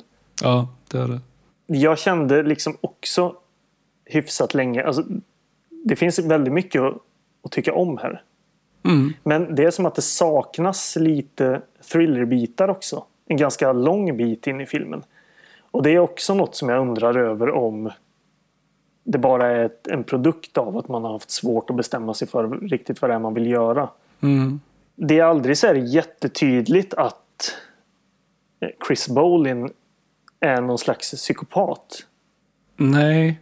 Eh, och det har väl delvis att göra med att de också försöker att spela på temat av att man inte ska veta om det är hon som är skyldig till det här eller om det bara är eh, Timothy Hattens karaktär som är paranoid. Mm. Eh, och i fallet för den här filmen så vet jag inte om det är ett klokt val eller inte för intrigens skull. Eh, för att mm. det gör det lite snurrigt. Mm. Ja, det, det är som att Tom Holland förmodligen kanske har varit lite hårt hållen av studioproducenter att man inte kan, kan slänga in vad som helst. Speciellt då inte ett, ett väldigt våldsamt slut så det får man klippa ut. Mm. Och så har man försökt styra om det här till att bli en, en alltså dra mer åt thrillerhållet. Så har man väl kanske inte gjort riktigt nog mycket för att man ska uppfatta att det är dit man är på väg. Chris Bolin gör ju egentligen aldrig något riktigt skumt heller förrän en ganska bra bit in i filmen. Alltså hon har ju köpt en klocka på hans affärskonto liksom. men det, det, blir inte, det är ganska sällan man får någon riktig indikation på att oj men hon är ju galen på riktigt förrän en, en rätt bra bit in i filmen. Med det sagt så tycker jag att det är väldigt mycket kul och liksom trevligt fram tills dess ändå. Det är inte på något sätt att att, det, att filmen blir liksom, att det ska vara en dålig film för det. Men det finns lite problem här med att eh, alltså vad man vill få fram. Tills det nästan är lite för sent. Jo, och det, jag, jag upplevde det också som så här skevheter i eh, karaktärsskildring eller saker som, som var svårt att få gå ihop i olika eh, saker som karaktärerna gjorde eller sa. Eh, som till exempel Timothy Hutton då. Att å ena sidan så är han väl ett väldigt sexistiskt äckel. Liksom, mm. I det att han pratar med sin eh, bästa polare då, som någon annan så här, eh, framgångsrik affärsman om att han eh, vill, vill få ihop det med sin sekreterare. Och eh, det är liksom ett återkommande eh, ämne under filmen. Eller ett återkommande, en återkommande fråga om ska will they, won't they liksom. Mm. Eh, ska, ska han ligga med sin sekreterare eller inte? Och i slutändan så gör han ju inte det. Nej.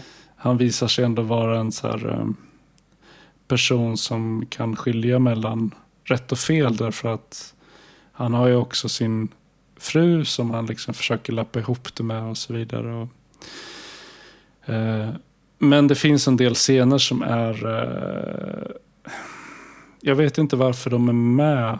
Liksom, det finns en scen till exempel där han står med sin kompis på kontoret och sen så ber han sekreteraren då, Laura Flynn Boyle, att gå och hämta en specifik fil i, i um, en låda. Liksom. Och hon reser sig upp, går och hämtar den och sen står de och tittar medan hon böjer sig framåt och det blir uppenbart att han har bara bett henne att hämta den specifika filen för att de ska kunna spana in henne bakifrån. Liksom. Mm.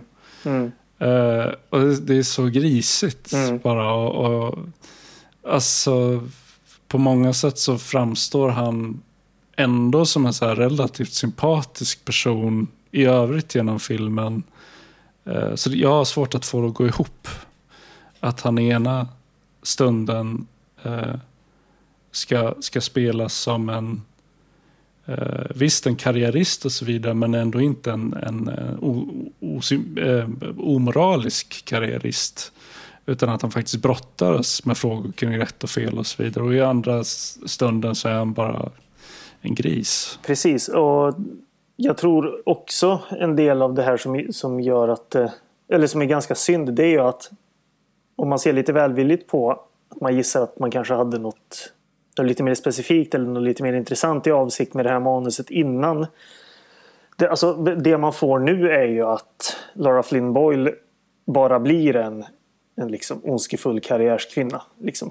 Mm. Och det är ju en ganska trött stereotyp. Ja, verkligen. Och det var ingen överraskning heller men, men man får ändå intrycket av kanske om man tänker sig då att de kanske har fått skriva om manus lite grann och sådär att man förmodligen kanske hade något lite mer roligare och spännande avsett för hennes karaktär också än vad det blir i slutändan. För det är ju det det slutar med liksom. Ja. Eh, hon är ju en, en ondskefull psykopat och inte mer än så. En modisk galning liksom. Ja, precis.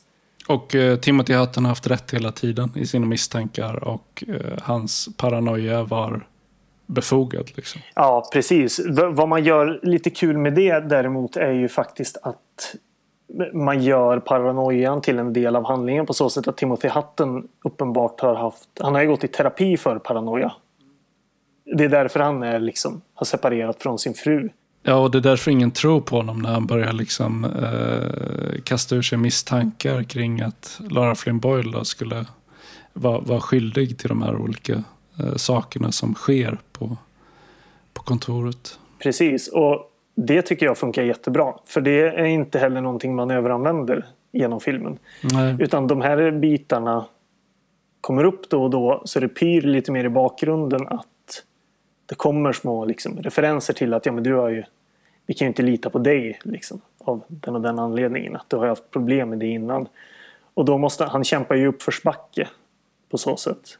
Och det tycker jag funkar, funkar bra. Sen lite, li, alltså, det är egentligen lite samma sak med den här filmen som det var med The Vagrant på så sätt att intrigen här orkar man kanske inte riktigt hänga med i ända till slutet heller. Framförallt inte eftersom att det i, i grunden handlar om vem som kan klättra till toppen av ett kakföretag. Nej, det, det, här med kakföretaget måste ju vara en del av att det kanske var en mer komisk film någon gång ja, tidigare i produktionen. Jag tänker att... det också. Det är annars ett väldigt märkligt val. Ja, ja precis. Det, jag kan inte förstå riktigt att man, som Mrs Applebys, att det, det, det känns väldigt ojuppigt. Liksom.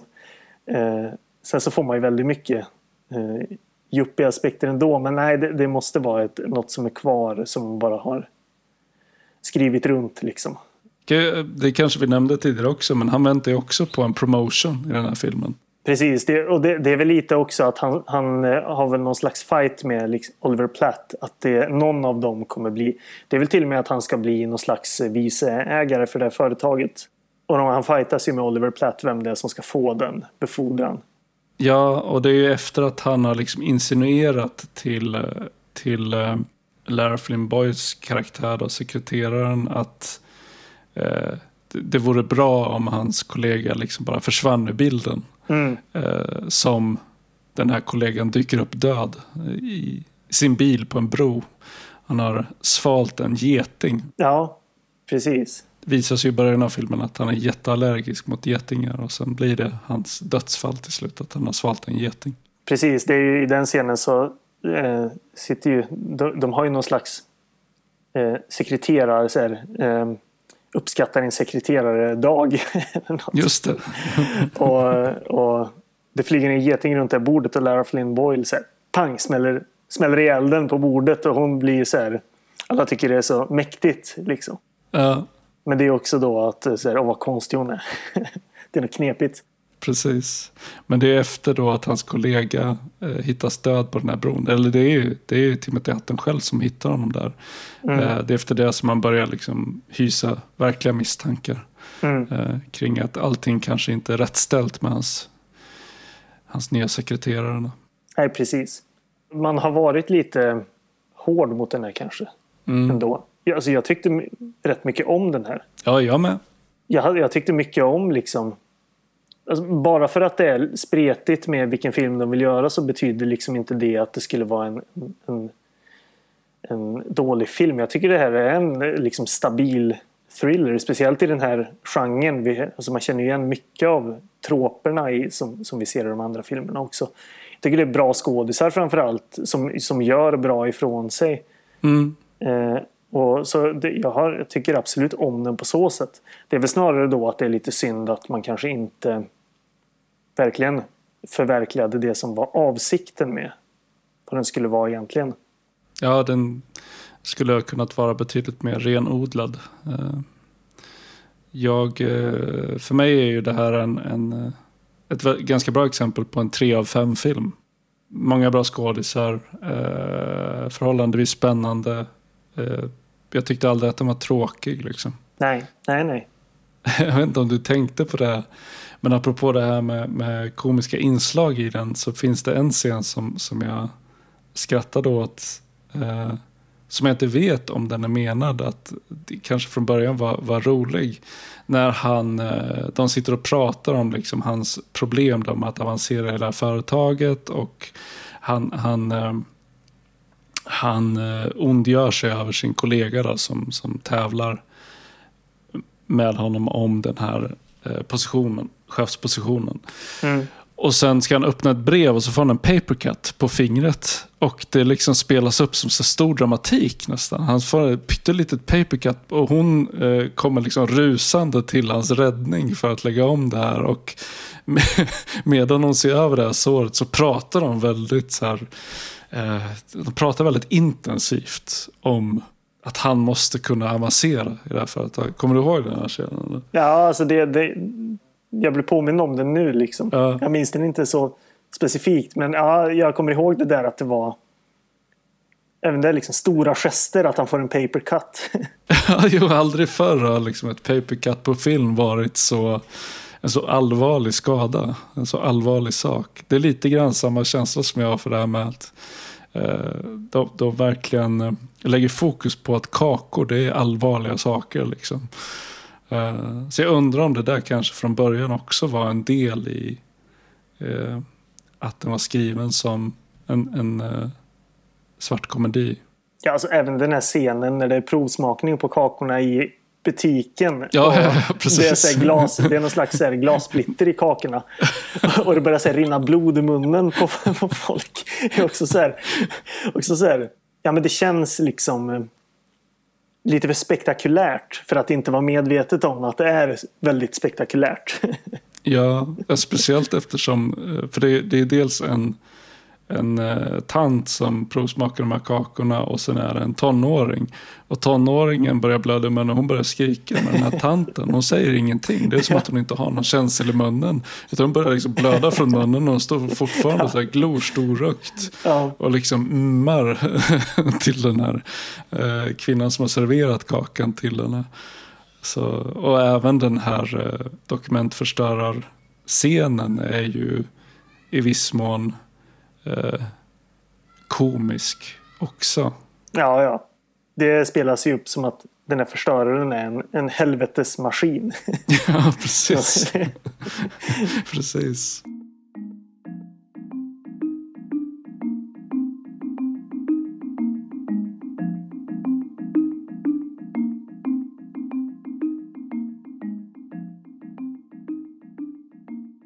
Jag har lite lite små, små punkter jag vill ta upp bara innan, innan vi går vidare. Det, det finns ett ganska kul citat som också eh, känns ganska kompatibelt med hela den här genren. Jag tror att han... Nej men just det, det kommer ju tidigt för det är därför hans sekreterare måste... Hans fru ska ju föda barn. Det är så det är. Och då säger Timothy Hutton till honom så här, men du måste inte åka. Labour is like an NBA game. You don't have to be there until the final two minutes. det, är här, ja, det, känns, det, det om något är väl, är väl kompatibelt med yuppie-tänket. Att det, det, är inte så noga med privatlivet liksom. Eh. Nej, precis. Nej, det är väldigt tydligt i den scenen att han tycker att uh, hans uh, ordinarie sekreterare då gör en väldigt fel prioritering när han åker till, till BB istället för att stanna kvar och fila på den här rapporten. Ja, precis. Sen ska jag, om du tittar i du ska få en bild av mig här. Det här tyckte jag var ganska kul. För det är en sån här grej som jag har hört att folk ibland påpekar i filmer. Men som första gången det var jag reagerade på här. Jag tog en screenshot precis i början på filmen som jag laddar upp i en av våra kanaler här. Du kommer se vart det plingar till. Så ska du få se om du reagerar på samma sak som jag gjorde. Mm. Det här är ifrån mm. de första fem minuterna på filmen. I kanalen allmänt. Ja, jo, jag ser bild. bilden. Jag bara funderar på vad det är jag ser. Ja, det, ja, just det. För det här är när hissdörren glider igen. Just det han går in i hissen och då glider den här dörren, blanka dörren igen. Liksom. Mm. Och det här är innan det klipper till en ny scen. Då. Mm. Men vad är, det, vad är det jag ska titta efter? Ja, till, till höger ser du ju väldigt tydligt en filmkamera. En reflektion? Ja, ja, ja, ja, just det, precis. Och, just det, det är en filmkamera som reflekterar. Ja, och det är liksom inte så här att man har råkat ha den där. Utan jag undrar ju om det här är att, att om jag förstod det rätt så var det väl att den här filmen till viss del typ dumpades på tv. Mm. Så jag undrar om det här är något sånt som ingen såg i och med att filmen förmodligen visades i 4.3 då. Eller det gjorde den ju givetvis på, på tv-apparater. Mm. Och att det här är en sån sak som har dykt upp först när filmen går att se i widescreen igen. Ja, så kan det ju vara. Just det. För det här syntes väl förmodligen. För jag menar, visst, alltså i riktiga B-filmer kan man ju se att det kommer en boom-mikrofon i överst i bild. Liksom. Men det här kändes väldigt slarvigt. Ja, så. verkligen. Det som gjorde mig så förvirrad när jag tittade på det, som att jag inte uppmärksammade kameran omedelbart som kamera, var att eh, det är alltså en bild av en kvinna som, hon, står hon i hissen den här kvinnan? Nej, hon står... Nej, hon går utanför hissdörren ja, och hissdörren går igen. Men det man ser spegla sen på insidan av hissdörren är en person som står väldigt tätt in till hissväggen med ryggen vänd mot dörren. Ja, just det. Ja, ja.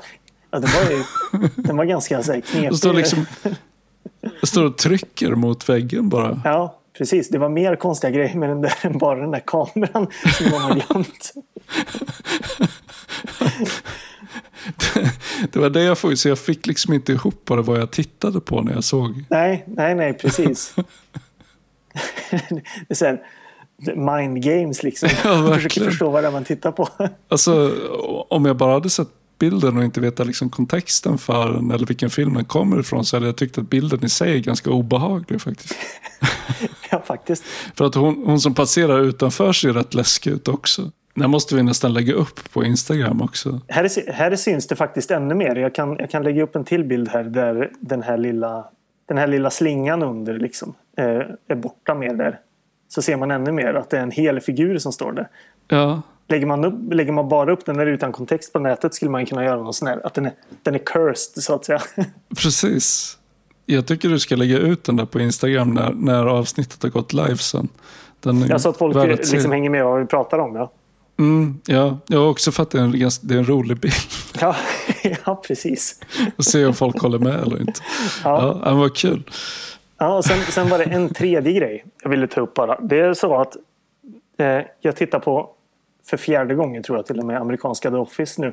Jag är inne på, nu säsong nio, men när jag såg den här filmen var jag inne på säsong åtta. Och det visar sig att både i det här avsnittet och i nästa avsnitt så finns det ganska närgångna liksom kopplingar till The Office. För det är ju mm -hmm. nämligen så att i den här filmen spelas Timothy Huttons fru av en skådespelerska som heter Maura Tierney. Hon heter, eh, hon heter Sharon Derns i filmen. Maura Tierney dyker upp i säsong 8 av amerikanska The Office där hon spelar fru till karaktären Robert California som spelas av James Spader. Jaha. Som vi ska prata om i nästa avsnitt. Så det var liksom en tvådubbel mm. eh, The Office-referens som dyker upp. Eller liksom, en tvådelad The Office-referens. För givetvis James Spader kände jag igen direkt. Men sen så tyckte jag att men gud vad bekant hon ser ut då, som, som dök upp i den här filmen. Och då visade det sig att hon spelar i Mrs California som hon, som hon benämns som i The Office. Uh. Hon har inte haft någon enorm karriär tror jag utöver det. Jag har inte, nog inte sett henne i något annat. Men i The Office dök hon upp i alla fall. Mm. Jag vill slå ett slag för uh, uh, den gamla The Shining miniserien också som jag tycker har fått oförtjänt mycket skit. Mm. Uh, det är Steven, Steven Webber, eller Weber, som spelar hans polare i The Temp. Som spelar pappan, Jack Torrance i miniserien där. Mm. Och det är även Rebecca de Mornay som spelar hans hustru. Så där finns en koppling då till eh, Handen som vaggar gungan som jag pratat ja, om. Ja, precis. Heter den så? Handen som vaggar gungan? Nej, äh, äh, vaggan. Gungan. Nej, han, han, han som gungar vaggan. Vag ja, just The hand that rocks the cradle heter den väl? Original. Ja, precis. Ja. Gungan som vaggar handen. precis. Men eh, den, den serien eh, tyckte jag väldigt mycket om när jag såg den. Mm. Också för länge sedan.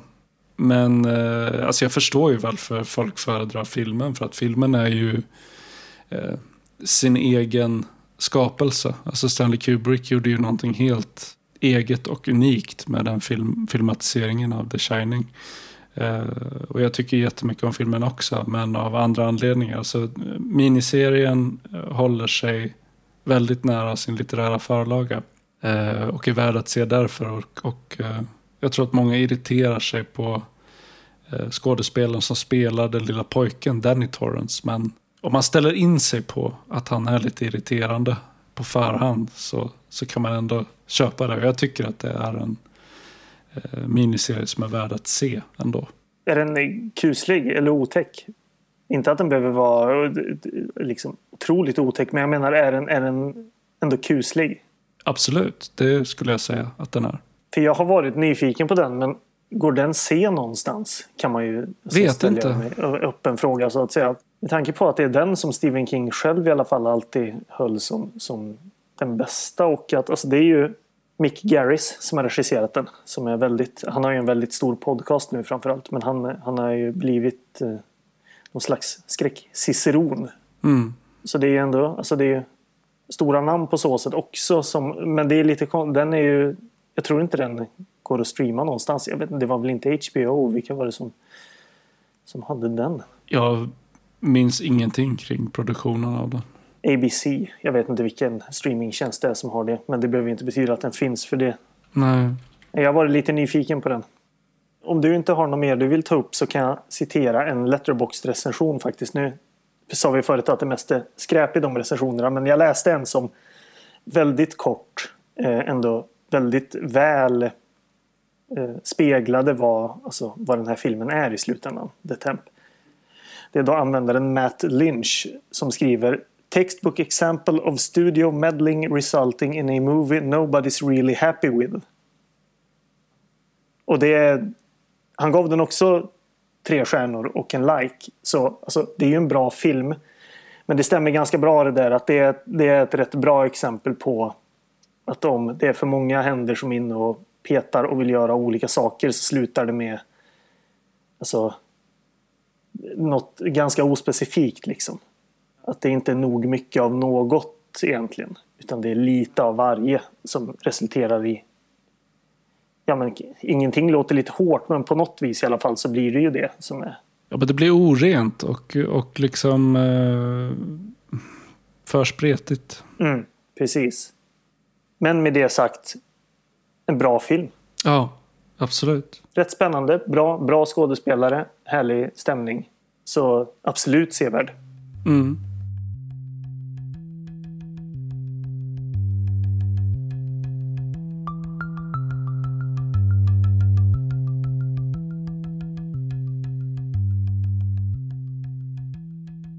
Och I nästa avsnitt då så går vi vidare på temat Juppis i fara. Mm. Vi lägger ut vilka filmer det rör sig om så ni definitivt ska ha tid att se dem innan. De ligger redan ute på Letterboxd. Ja, precis. precis. Men du, eh, du kommer lägga upp det på Instagram också. Ja. ja. Någonting mer att tillägga innan vi säger tack och hej för idag? Alltså, vi kan ju tillägga glädjande att vi till slut finns på Apple Podcasts nu att lyssna på. Ja, just det. Så nu kan vi till slut säga att eh, finns där du finns där ni lyssnar på podcasts. För det, jag tror att vi innefattar liksom eh, innefattar de mest använda plattformarna nu till slut. Och vi finns ju på Letterboxd och Instagram. Söker ni på Rännstensrullarna så hittar ni oss ambitionen är ju att hädanefter försöka släppa ett eh, helt avsnitt i månaden. Mm. Så förhoppningsvis kommer vi dyka upp i flödet eh, lite mer frekvent än tidigare. Vårt inspelningsschema håller vi ju hårt på hittills i alla fall. Ja, vi börjar bli riktigt seriösa. Ja, ja, ja, visst. Det här blir, det här blir kanon. Ja, mycket jobb. Vad sa du? mycket jobb. Ja, ja precis. Det är, snart måste vi börja få några stålar för det. Man ska orka med. Precis. Och med det så tackar vi för oss för ikväll. Ja, precis. Send money. Ge oss pengar. ja. ja, nej, vi, vi hörs snart igen med mer Juppis i fara. Ha det bra. Ha det bra. Hej. Hej då.